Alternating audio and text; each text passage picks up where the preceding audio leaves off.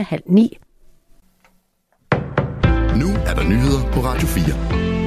Det er Ruslands præsident Vladimir Putin, der er ansvarlig for Alexei Navalny's død, det siger USA's præsident Joe Biden ved et pressemøde i Hvide Hus. Tag ikke fejl, Putin er ansvarlig for Navalny's død, siger han.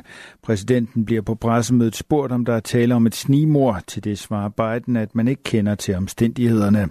Vi ved ikke, hvad der præcist er sket, men der er ingen tvivl om, at hans død skyldes Putin og hans bøller, siger Biden. Navalny's død blev meldt ud af russiske fængselsmyndigheder tidligere i dag.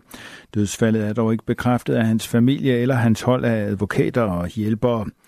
Alexei Navalny blev tidligere, der tidligere har forsøgt at stille op til det russiske præsidentvalg, er kendt som en af de største kritikere af Putin. Hans angivelige død kommer omkring en måned før der er præsidentvalg i Rusland. Meldingen kommer ikke som nogen overraskelse, siger den amerikanske præsident, men han er ikke desto mindre meget forarvet.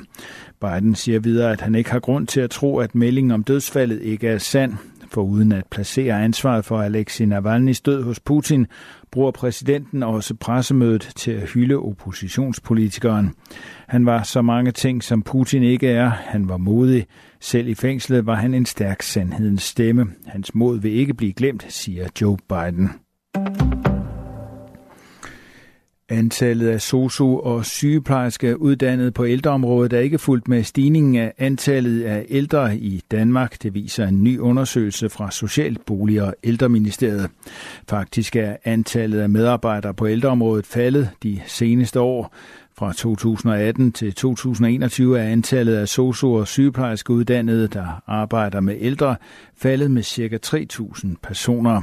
Samtidig er der kommet flere ældre i landet, da folk lever længere. Det er en massiv udfordring for velfærdsområdet, siger ældreminister Mette Kirkgaard i en pressemeddelelse. Her kommer hun blandt andet også ind på, at regeringen har præsenteret et udspil, der styrker sociouddannelser, og at de vil afsøge muligheden for at indgå partnerskaber med tredje lande om rekruttering af medarbejdere. Men vi skal også gøre endnu mere end det. Manglen på arbejdskraft understreger med al tydelighed behovet for den gennemgribende forandring af ældreplejen. Vi er klar til at foretage med den kommende ældrereform, siger hun. Den massive medarbejdermangel skal nedbringes, siger Mette Kirkgaard. God ældrepleje rimer på eller er afhængig af, at vi har dygtige medarbejdere, og det er jo fordi, at ældreplejen handler om omsorg, om relationer, siger hun. Noget af det, vi også gør, det er at kigge ind i brugen af velfærdsteknologi. Det er også et af initiativerne i ældrereformen, så det kommer vi til at følge nøje, siger ministeren. Den franske våbenproducent Nexter Systems stævner Danmark i sagen om indkøb af israelske artilleri, israelsk artilleri fra Elbit Systems for 1,7 milliarder kroner, det skriver Altinget. Mere specifikt er det Forsvarsministeriets materiel- og indkøbsstyrelse, der trækkes i retten. Nexter Systems mener, at Danmark har overtrådt EU's regler om ligebehandling og gennemsigtighed i Elbit-sagen. Det fremgår af en orientering, som forsvarsminister Troels Lund Poulsen har sendt til partierne bag forsvarsforligskredsen, og som altinget er i besiddelse af. Nexter Systems lægger til grund, at tildelingen jævnfør stævningen er sket på grundlag af en ikke fyldesgørende og ikke gennemsigtig markedsafdækning, som kun har tilgodeset én leverandør, skriver Troels Lund Poulsen i orienteringen.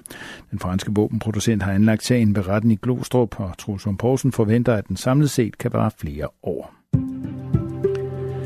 I løbet af natten bliver det til dels klart i de nordlige egne. Temperaturer ned mellem 2 og 7 grader i morgen lørdag. Tørt med nogen eller en del sol, men i perioder dog stedvis mere skyde. Temperaturer op mellem 4 og 9 grader. Det var nyhederne med Thomas Sand.